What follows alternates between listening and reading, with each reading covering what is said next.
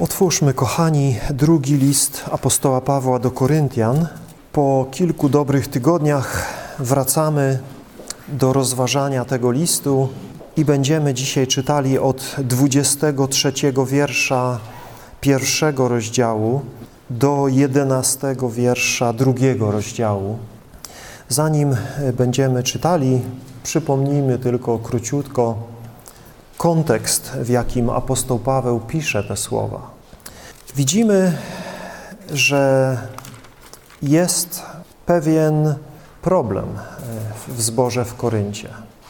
Jest tam wiele problemów, o czym dowiedzieliśmy się z pierwszego listu, ale jest szczególny problem, jeśli chodzi o relację braci i sióstr ze sobą wzajemnie i w szczególności z apostołem, który głosił im Ewangelię, przez którego uwierzyli, dzięki któremu znaleźli się w Chrystusie, który, jak sam mówi, jest ich Ojcem w wierze.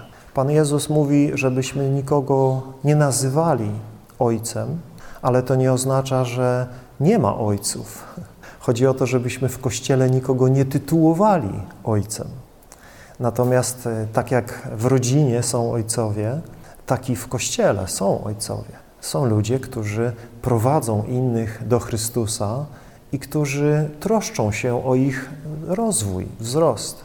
I tacy są ojcami. Kiedy Paweł mówi do nich, że mają wielu nauczycieli, ale niewielu ojców i że On jest ich ojcem, to mówi właśnie o tym, że ich, jak dalej to ujmuje, zrodził przez Ewangelię że oni są Jego dziećmi w duchowym sensie. I tutaj mamy taką właśnie przykrą sytuację, kiedy dzieci nie szanują swojego ojca, odrzucają swojego ojca, stawiają mu bezpodstawne zarzuty. I widzieliśmy na początku tego pierwszego rozdziału zarys tego problemu. Tak naprawdę cały ten list jest obroną apostolskiego autorytetu apostoła Pawła i pokazania Koryntianom i pokazania też nam dzisiaj w Kościele, jak brak właściwej komunikacji, brak właściwego nastawienia serca do siebie może stać się przyczyną zła między nami.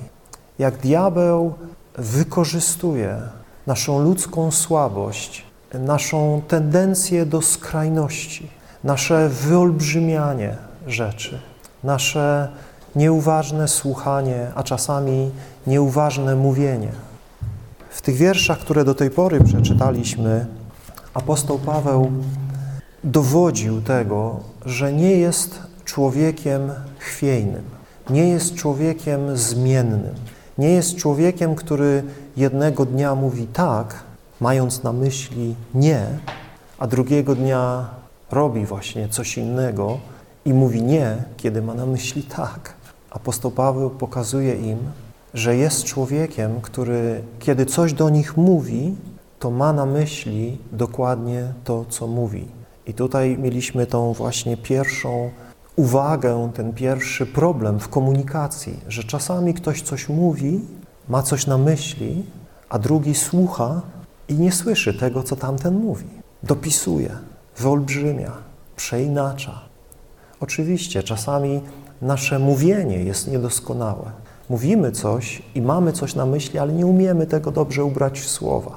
Użyjemy jakiegoś sformułowania, myśląc, że ten ktoś zrozumie to w taki, a nie inny sposób, ale niestety nasze sformułowanie nie jest do końca czytelne.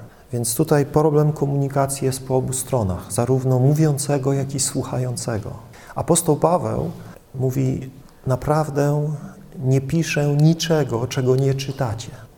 Nie ma niczego między wierszami, ale mówi uważnie przeczytajcie to, co do was napisałem, uważnie posłuchajcie tego, co do was powiedziałem i uwierzcie, że nie mówiłem niczego innego.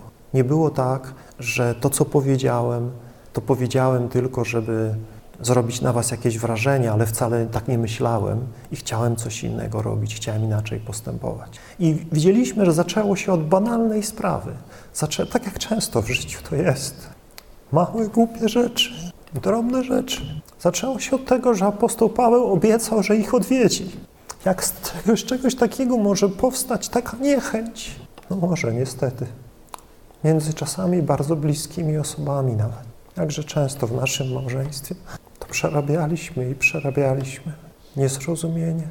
Mała kupia rzecz, która właściwie nic nie jest, nic nie znaczy, ale źle zrozumiana i gdzieś w ludzkim sercu źle przetworzona może prowadzić do gniewu, do poczucia zranienia, załamania komunikacji. Apostoł Paweł chciał ich odwiedzić i obiecał, że dwa razy do nich przyjdzie. Jak popatrzycie na mapę, ostatnio mówiliśmy o ważności map, koniecznie popatrzcie na mapę, gdzie jest Efes, gdzie jest Korynt i zobaczycie, jak blisko jest z Efezu do Koryntu przez morze, ale jest długa droga lądem dookoła. I apostoł Paweł planował udać się do Macedonii, która jest u góry. Paweł jest tutaj w Efezie, tu jest Korynt. I mówi, chciałem przepłynąć do was i pójść do Macedonii i wracając wrócić do was i wrócić do Koryntu. Takie były jego pierwotne plany, ale widzieliśmy w pierwszym rozdziale, kiedy przedstawiał im te plany, zastrzegał się, że nie jest pewny, czy dokładnie tak będzie, że ma nadzieję, że tak będzie, że chciałby tak uczynić. Natomiast tak się nie stało. Paweł najwyraźniej udał się do nich, popłynął do nich statkiem, ale ta wizyta była bolesną wizytą, o czym dzisiaj się przekonamy. Mówi, że to była bardzo przykra wizyta. Nie wiemy, co się stało w czasie tej wizyty. Paweł nie podaje nam szczegółów. Mówi tylko, że coś tam się wydarzyło takiego, że y, on był zraniony, on był zasmucony i oni byli zasmuceni. I Paweł poszedł, tak jak planował, do Macedonii, ale nie wrócił do nich, tylko poszedł później z powrotem do Efesu, już z Macedonii bezpośrednio. Nie wrócił do nich i wyjaśnia nam teraz, dlaczego do nich nie wrócił. Wyjaśnia w tych słowach, co było powodem tego, że do nich nie przyszedł. Zobaczmy, jakie jest jego wyjaśnienie. Pierwszy list, drugi list do Koryntian, pierwszy rozdział, czytajmy od 23 wiersza. Zobaczcie, jak, jak Paweł zaczyna w ogóle. Mówi, przywołuję sobie Boga na świadka mojej duszy. E, to nie są, e, wiecie, słowa człowieka, który mówi o czymś łatwym, czymś e, nieznaczącym. Kiedy ktoś w ten sposób się za, zaklina, bo to jest swego rodzaju zaklinanie się. Wiecie, Pan Jezus powiedział, niech wasze tak będzie tak, niech wasze nie będzie nie. I Paweł wcześniej powiedział, to nie jest tak, że moje tak jest tak, moje tak jest nie, a moje nie jest tak. Paweł wiedział, że, że, że, że jako chrześcijanie nie musimy teraz e, się zaklinać, żeby powiedzieć prawdę, jak ludzie tego świata, których trzeba, wiecie, w sądzie zmusić do złożenia przysięgi, żeby nie kłamali przed sądem. Ale w tej sytuacji Paweł jest tak zdesperowany i najwyraźniej oni gdzieś tak stracili do niego zaufanie, tak podważają jego słowa, że on się musi zaklinać na Boga. Mówi, przywołuję Boga na świadka mojej duszy, że nie przybyłem do Koryntu, dlatego, że was oszczędzam. Nie, że jesteśmy panami waszej wiary, lecz jesteśmy współpracownikami waszej radości. W wierze bowiem stoicie. Postanowiłem sobie bowiem to, nie przychodzić znów do was w smutku.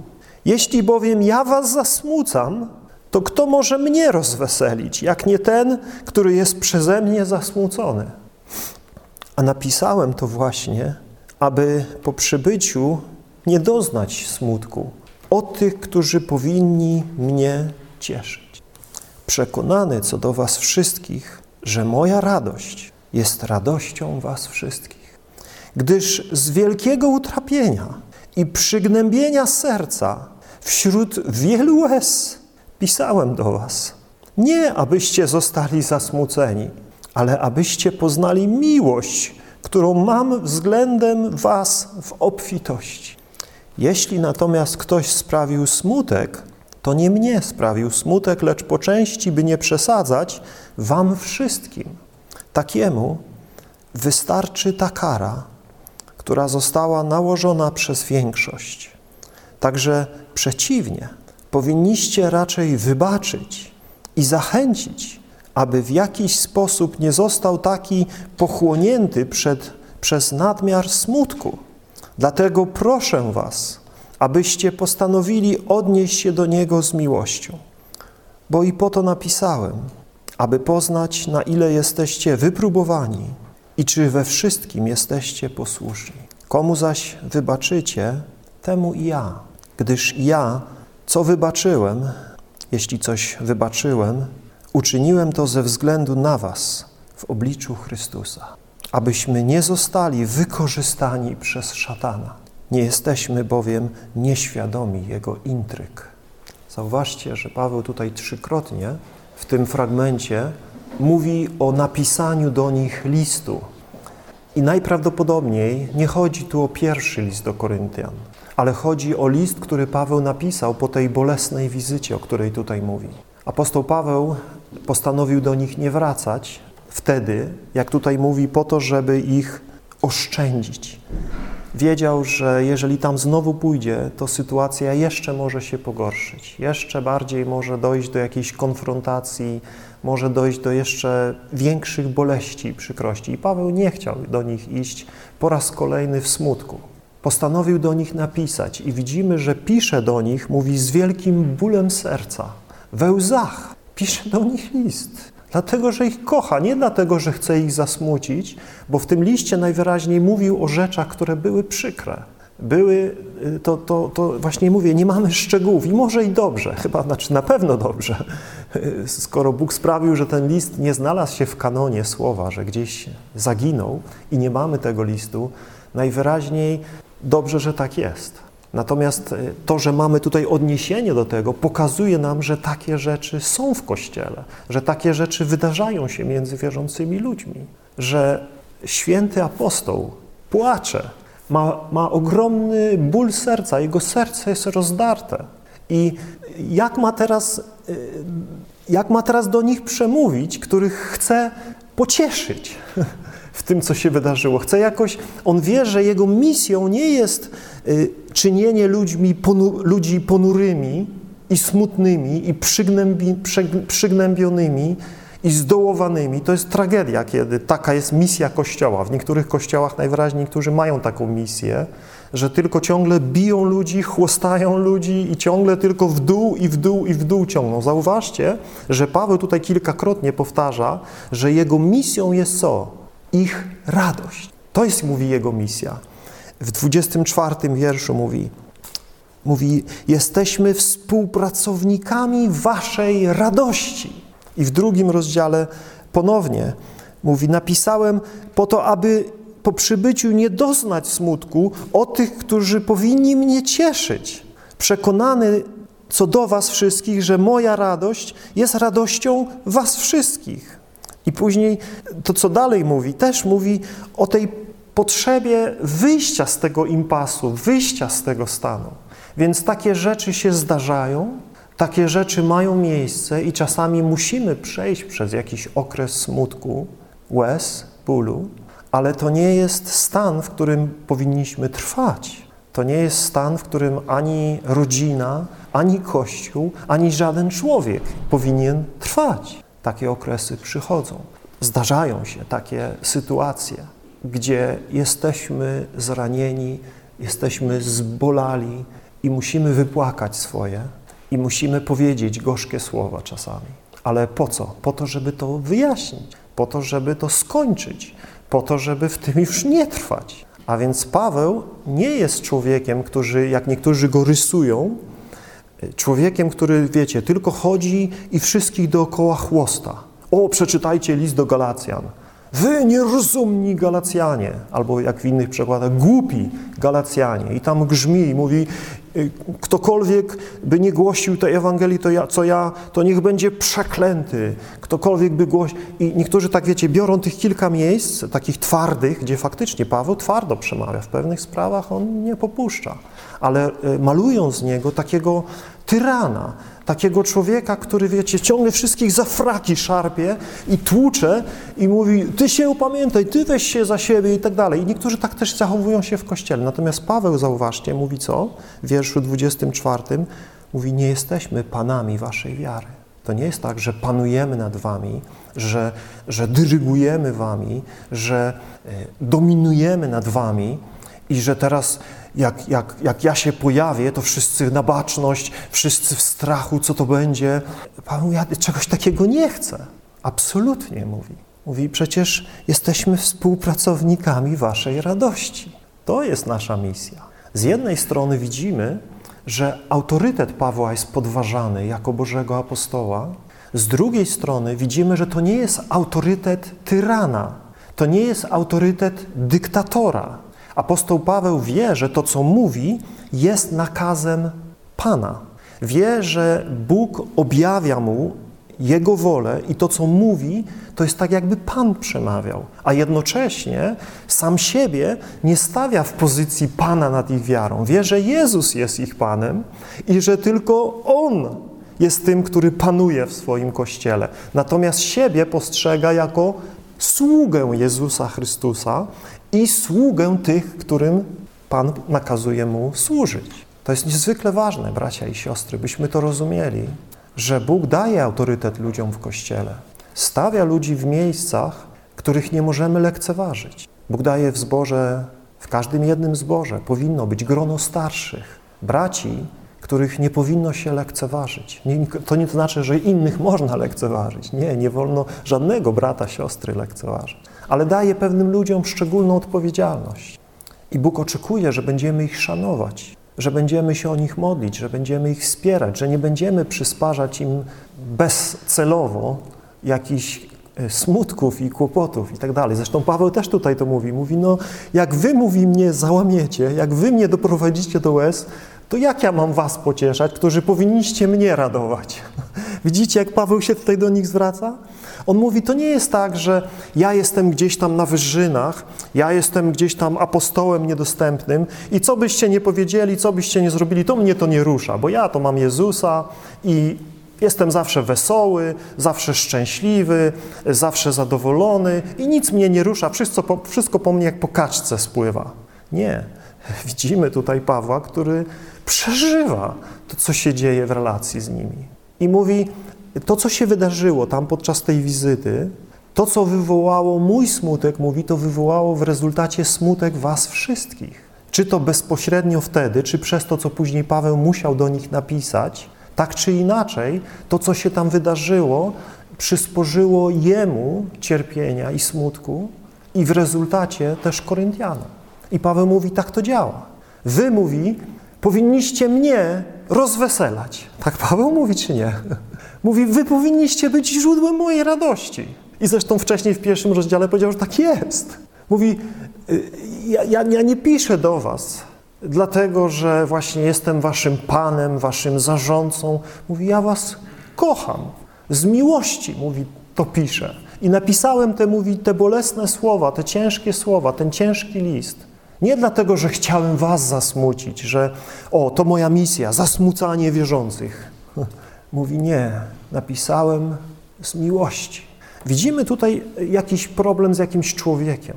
Jest tutaj jakiś człowiek, który y, najwyraźniej był przyczyną tego całego zamieszania. Niektórzy twierdzą, że to odnosi się do tego problemu z pierwszego listu do Koryntian, z piątego rozdziału, gdzie czytamy o tym człowieku, który żył ze swoją macochą i że Paweł tutaj mówi, że to na niego została nałożona ta kara i dyscyplina, ale kontekst całego tego e, fragmentu nie bardzo na to wskazuje, nie bardzo się tego trzyma. Paweł tutaj mówi o tej wizycie, która miała miejsce i o tym bolesnym liście, który był konsekwencją tej wizyty.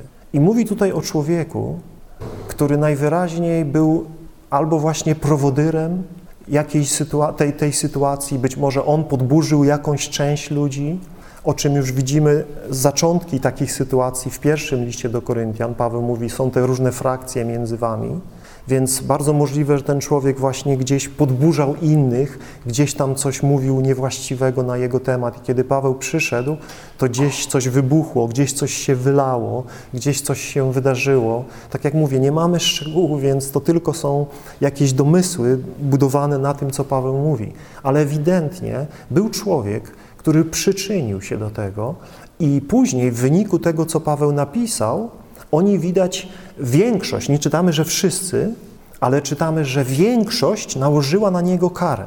Znowu, nie wiemy jaka to była kara, ale najwyraźniej go postawili do pionu.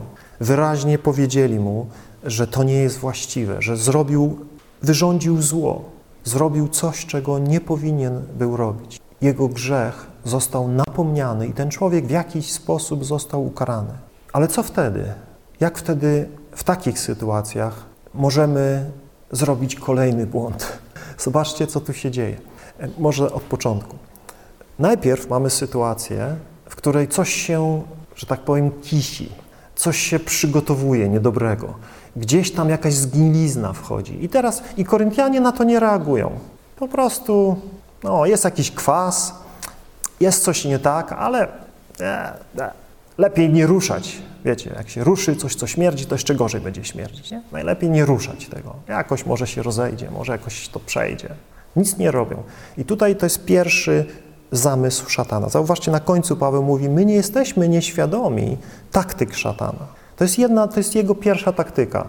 Nie zwracać uwagi na grzech, lekceważyć grzech, yy, usprawiedliwiać grzech, tłumaczyć sobie, to nie jest takie złe. O, oni robią gorsze rzeczy. Ja to tylko sobie popatrzę w internecie. A tamci to naprawdę, oni się spotykają, oni cudzołożą, oni tam, łojojo, Sodoma i Gomora. Ja to tylko sobie popatrzę tam na gołe babki. Ja to tylko tam czasami coś tamtego. Usprawiedliwiamy się, yy, jakoś staramy się sobie powiedzieć, to nie jest takie złe. I to jest pierwsza taktyka szatana. Jego pierwsza taktyka jest, tam, tam trochę nie, nie dopłaciłeś podatku, a tam, tam masz dług, ale tam nie dzwonisz, nic nie tłumaczysz się. Okej, okay, tam jakoś to będzie, tam nie, nie róbmy z tego wielkiego halo, halo. Tam on ma i tak dużo pieniędzy, poczeka. I, i tak umniejszamy grzech. To jest pierwsza taktyka szatana. Lekceważyć grzech, umniejszać grzech, tłumaczyć, kombinować tak, żeby to ta, tam. Ale kiedy spotykamy takiego jak człowieka, jak apostoła Pawła, który mówi, słuchaj człowieku, ty kradniesz, ty cudzołożysz, ty ranisz ludzi, jak ty się zachowujesz? Przecież to, co ty mówisz, to nie przystoi chrześcijanowi. Jak ty się w ogóle zachowujesz? Czy ty w ogóle jesteś wierzący? I wtedy, wiecie, niektórzy się opamiętają. Niektórzy oczywiście się zaprą, niektórzy oczywiście się tam zabarykadują i a co, ty święty jesteś? A co? A, I, i, i, I się tego nie będą chcieli popuścić, ale inni sobie wezmą to do serca. Inni faktycznie, no jest coś nie tak. I tu jest drugi. Wtedy szatan przychodzi, co wtedy on robi? Wtedy robi dwie rzeczy. Pierwsza rzecz to mówi ci, ale ty jesteś naprawdę okropny. Czy ty w ogóle jesteś wierzący? Czy ty w ogóle się nawróciłeś, człowieku? Ty się nie nadajesz. Co ty w ogóle robisz w tym kościele? Weź ty, zostań w domu, weź ty, przestań czytać tą Biblię, weź ty w ogóle, schowaj się w jakiejś dziurze, człowieku. Ty się do niczego nie nadajesz. To jest, to jest jego kolejna taktyka. Kiedy dotrze do nas świadomość naszego grzechu, to on przychodzi z oskarżeniami przychodzi z potępieniem, przychodzi z nienawiścią i mówi: Ty jesteś najgorszy, ty się nigdy nie zmienisz, ty już zawsze taki będziesz. Oskarża, potępia, miesza cię z błotem i mówi: Zabij się, odbierz sobie życie, skończ z tym wszystkim. Po co ty jeszcze w ogóle chodzisz po tej ziemi? Tylko wszystkim robisz na złość, tylko wszystkim przeszkadzasz, tylko nie ma z ciebie żadnego pożytku. Zabij się albo gdzieś się wynieś na pustynię, gdzieś się zamknij w jakimś miejscu, gdzie nikt cię nie będzie musiał oglądać. Ale też przychodzi do wierzących, innych, którzy, y, y, załóżmy, dostrzegli ten grzech, dostrzegli ten problem, no i teraz chcą pomóc. I teraz jak mu pomóc? Jak mu pomóc? Niektórzy mu trzeba go skopać po prostu. Trzeba go skopać, wtedy poczuje, nie? Bo jak mu tak powiesz, tak delikatnie, tak wiesz, tak z miłością, to w ogóle to do niego nie dotrze. Jemu trzeba naprać porządnie, trzeba go po prostu z, zmieszać z błotem. Właśnie przychodzą inni wierzący i zaczynają szarpać, zaczynają mówić, a ty w ogóle... I, i zaczyna się ta, ta, ten podział, ten rozdźwięk. Człowiek już sam wie, że jest grzeszny, człowiek już sam y, chce coś zmienić, a jeszcze inni wokół tylko y, jeszcze wyolbrzymiają, jeszcze gorsze rzeczy czasami opowiadają niż się wydarzyło. Roznoszą to, opowiadają to tu, tam.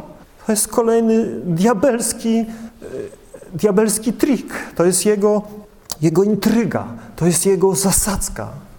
I człowiek y, mówi, bracia, siostry, wybaczcie, faktycznie zgrzeszyłem, przebaczcie mi. Niektórzy, o nie, nie, nie, nie, tak, nie będziemy tak szybko przebaczać. Musisz teraz się wykazać. Pół roku nie będziesz do wieczerzy przystępował. Pół roku nie ma dla ciebie wieczerzy. I zobaczymy po pół roku, jak to będziesz sobie radził. No? W niektórych zborach tak się robi. Są takie dyscyplinarne środki. Najczęściej właśnie zakaz przystępowania do wieczerzy. To jest tragiczne, bracia, siostry. Dla grzesznika, który pokutuje, teraz nie może przystąpić do wieczerzy pańskiej. Nie może przyjść do stołu. Owszem, jeśli trwa w swoim grzechu, jeśli trwa w swoim uporze, to nie jest miejsce, żeby przystępował do stołu. Ale jeśli żałuje, jeśli pokutuje, jeśli się odwraca od swojego grzechu, jakże wierzący ludzie mogą nie przebaczyć. I tutaj widzimy, jest ten problem, tak? Ten człowiek e, został napomniany i wygląda na to, że się opamiętał. I Paweł mówi, że on się pogrąża w smutku, ten człowiek. Ten człowiek mówi, e, jest, mówi, może być pochłonięty przez nadmiar smutku. A więc jest smutek, który jest dobry, o którym Paweł dalej będzie mówił. Jest smutek, który prowadzi do opamiętania i to jest dobry smutek, jego się nie żałuje. Ale jest smutek, który jest grzeszny. Może być pokuta, która jest grzeszna. Można się tak zamartwiać i, i, i tak się y, z, zagnębiać, że to staje się grzechem. I co gorsza, inni mogą to samo robić. Dobrą rzeczą jest napominać, dobrą rzeczą jest skazywać właściwą drogę, dobrą rzeczą jest czasami powiedzieć twardą prawdę w miłości bratu czy siostrze, ale naszym celem zawsze powinna być odnowa człowieka, zawsze powinna być przyprowadzenie tego człowieka do radości w Chrystusie, a nie teraz pastwienie się nad nim, nie teraz gnębienie go, nie teraz dręczenie człowieka w czymś takim. Nie powiedzenie, nie, nie, nie, takich rzeczy tak się szybko nie przebacza. Teraz to musisz troszeczkę swoje odpokutować. O nie, nie, tak szybko ci teraz nie przebaczymy. Paweł mówi, nie róbcie tego. Bo tak jak wcześniej ignorowaliście grzech i to było grzeszne, tak teraz możecie nadmiernie potępiać grzech w niewłaściwy sposób i to też jest grzeszne. Tak jak jedno prowadzi do śmierci, tak i drugie może prowadzić do śmierci. Natomiast nasza posługa nie jest posługą śmierci. Nasza posługa jest posługą życia i radości w Chrystusie. I zawsze sobie zadawajmy, bracia i siostry, pytanie, do czego prowadzi nasza posługa? Czy jesteśmy, tak jak apostoł Paweł, współpracownikami w radości, czy może znajdujemy jakąś chorą przyjemność w smutku brata i siostry? To jest coś, co musimy naprawdę przetrawić głęboko w naszym wzajemnym usługiwaniu sobie. Tak jak mówię, czasami trzeba powiedzieć twarde słowa, czasami trzeba zasmucić, tak jak Paweł to zrobił, ale w jakim celu? To jest ważne. W jakim celu? Paweł mówi, ja mu wybaczyłem.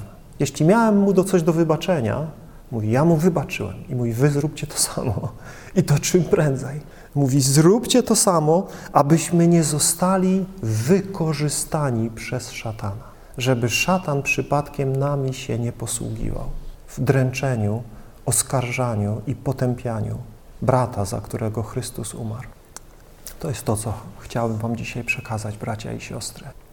Jest to jedno z kazań, którego nie byłem w stanie zapisać sobie nawet punktów. Po prostu czytałem to, przeżywałem to, rozmyślałem nad tym, i nie wiedziałem, jak to ubrać. I dziękuję Bogu, że jakoś pomógł mi to ubrać w słowa. I mam nadzieję, że jest to czytelny przekaz i że nic tutaj nie powiedziałem niewłaściwego między wierszami, tylko słyszycie to, co mówię do was, a jeżeli coś ktoś by odczytał między wierszami, to dajcie mi znać, żebyśmy mogli to wyjaśnić. Nasza posługa jest posługą życia, jest posługą radości, co nie oznacza, że czasami nie ma sytuacji w Kościele, które będą powodowały ból i łez. Źle jest, jeśli ta nasza posługa radości i życia ignoruje grzech, ignoruje zło, ignoruje krzywdę, bo my nie będziemy mówić o negatywnych rzeczach, my będziemy tylko mówić o pozytywnych.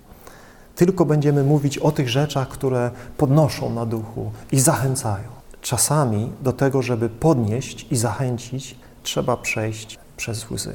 Ale ważne jest, żeby naszym celem zawsze było podniesienie, ratunek, pomoc. Żebyśmy nigdy nie zatrzymywali się na, na poziomie karcenia, nigdy nie zatrzymywali się na poziomie dyscypliny i żeby w naszych sercach nie było takiego ducha krytykanstwa, takiego ducha, który, wiecie, doszukuje się ciągle czegoś złego w braciach i siostrach. Kiedy coś jest złego, to wtedy tak, trzeba, trzeba się tym zająć, ale nasz, nasz duch powinien być duchem radości, duchem pozytywnego entuzjazmu i radości z braci i sióstr. Zobaczcie, że Paweł pisze to do Koryntian, którzy najwyraźniej wyrządzili jemu ten ból, ale co on w tym fragmencie mówi? Mówi, kocham was.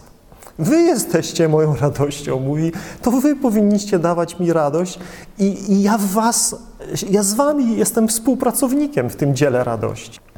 Więc to też, bracia i siostry, musi być nasza wizja. Wizja, byśmy wszyscy radowali się w Panu zawsze. Ten sam apostoł, który tutaj mówi o bólu, o łzach, o złamanym sercu, mówi radujcie się w Panu zawsze. Jak to możliwe w takich sytuacjach się radować?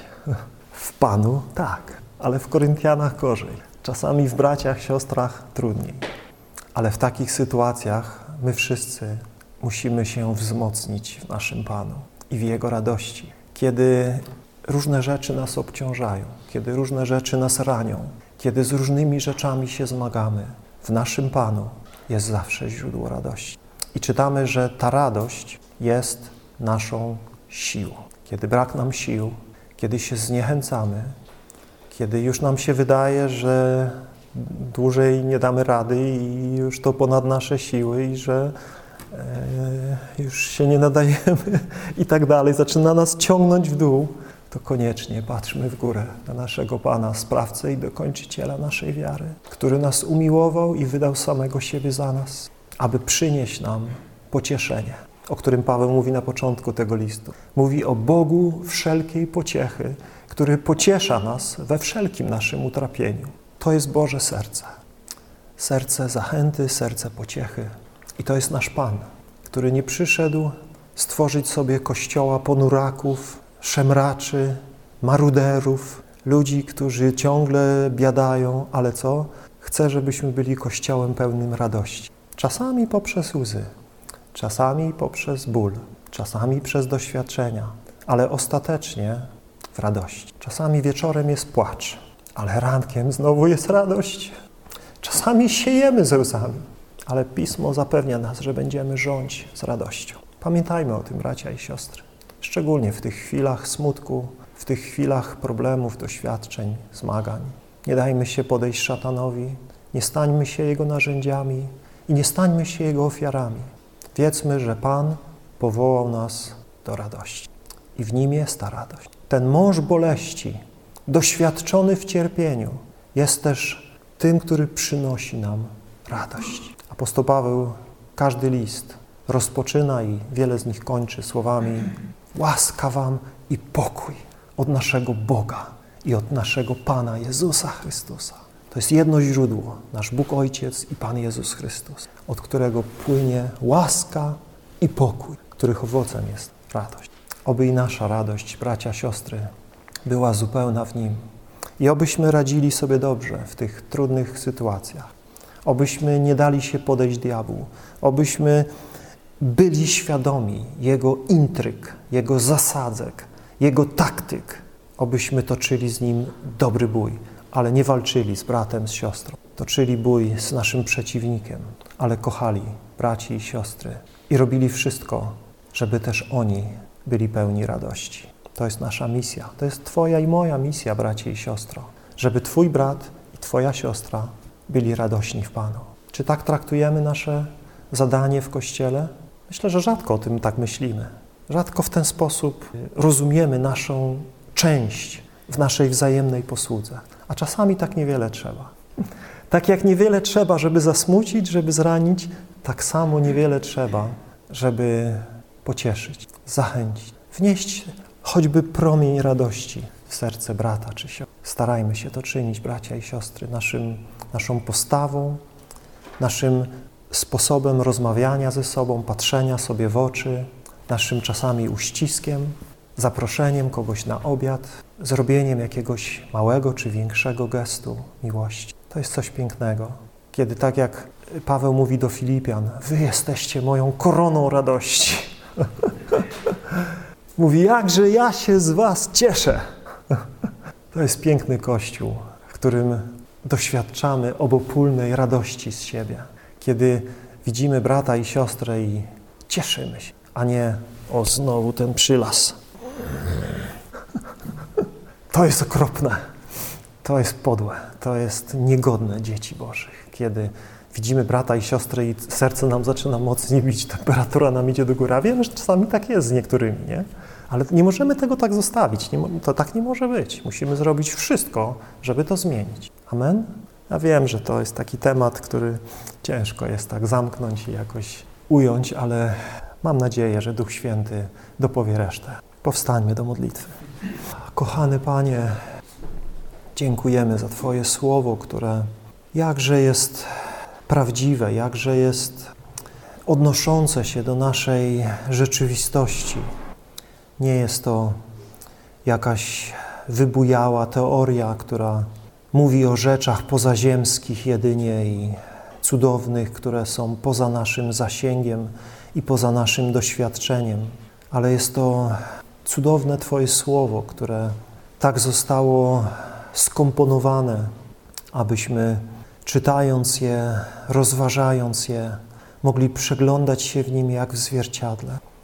Mogli zobaczyć nasze braki i niedociągnięcia, ale mogli też zobaczyć Twoje piękno, które przebija się spośród tych naszych glinianych naczyń, spośród tych jeszcze bardzo niedoskonałych dzieł Twoich, które wciąż są w procesie lepienia i kształtowania, ale widzimy też ten wielki skarb, który włożyłeś w nasze życie.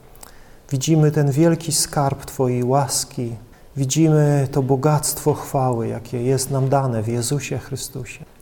Kochany Ojcze, prosimy, byś pomagał nam wszystkim tak żyć i tak posługiwać, abyś Ty był uwielbiony wśród nas i aby nasza radość w Tobie była zupełna.